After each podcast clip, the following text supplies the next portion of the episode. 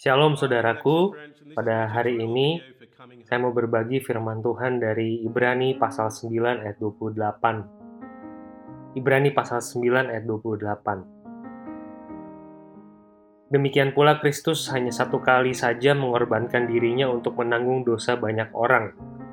Sesudah itu ia akan menyatakan dirinya sekali lagi tanpa menanggung dosa untuk menganugerahkan keselamatan kepada mereka yang menantikan Dia.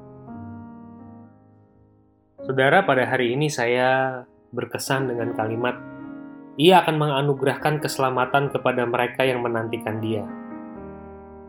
Saudara kangen nggak sama Kristus? Saudara ada rasa lelah hidup di dunia yang penuh dosa? Saudara menderita?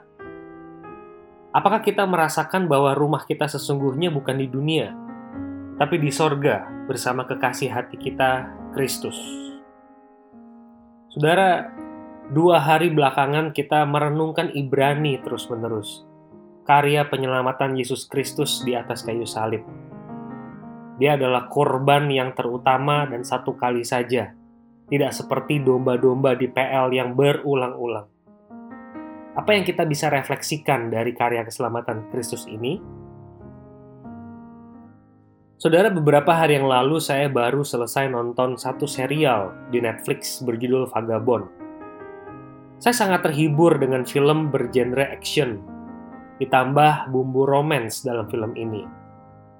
Entah mengapa saya jadi larut dalam kisah cinta mereka, terutama ketika si cowok meninggal dunia Si perempuan menangis terisak-isak, merasa sedih sekali. Saya juga tersentuh ketika si cowok kehilangan keponakannya yang mati karena kecelakaan pesawat. Memang kematian selalu membawa duka, apalagi bila kita memiliki relasi kasih dengannya. Saudara, setelah saya selesai nonton film ini, saya merenung. Kenapa saya nggak bernostalgia melihat kisah cinta saya dengan istri saya? Lalu saya buka Google Foto dan saya mengamati hal-hal yang saya abadikan di Google. Saya buka Google Foto sambil mendengarkan lagu favorit saya dari NBC, Berkat Kemurahanmu judulnya. Saudara, di situ saya melihat foto diri saya menggunakan jas dan kolar sebagai pendeta. Di situ saya melihat istri dan anak saya.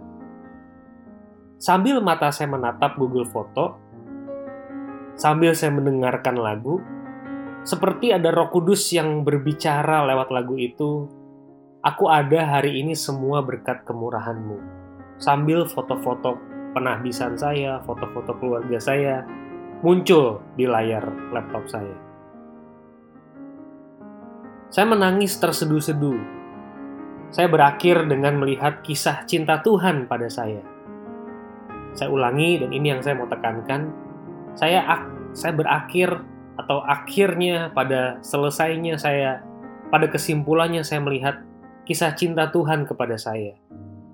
Dia bukan hanya mempersiapkan kehidupan yang kekal buat saudara dan saya, namun hidup yang fana ini pun dia berkati. Saudara masuklah ke Google Foto saudara masing-masing dan lihatlah. Saya yakin saudara akan tiba pada kesimpulan yang sama seperti saya bahwa Allah mencintai saudara dan saya. Aneh juga ya dipikir-pikir, saya mau mengingat kisah cinta dengan istri, malah berakhir dengan kisah cinta Allah dengan saya. Kisah cinta Allah dengan umat manusia. Saya juga yakin tidak ada cerita romans di dunia termasuk drama Korea yang bisa mengalahkan cinta kasih Kristus buat kita. Dia sayang sama saudara dan saya. Kita tusuk dia berulang kali dari belakang. Dan dia tetap memberkati kita. Ya, layakkah kita cuek dan diam terhadap kasih yang sebesar ini? Saya merasa harusnya kita terharu dan tersentuh dengan kasih Kristus, bukan cerita cinta yang saudara lihat di drama Korea dan drama-drama yang lain. Saudara Kristus akan datang kembali meskipun harus melewati ribuan, jutaan purnama. Dia pasti akan tetap datang. Apakah saudara yakin dengan hal ini? Apakah saudara mencintainya? Apakah saudara mengabaikan kasihnya? Ingat, darahnya tercurah di atas kayu salib untuk saudara dan saya. Selamat berefleksi. Tuhan memberkati.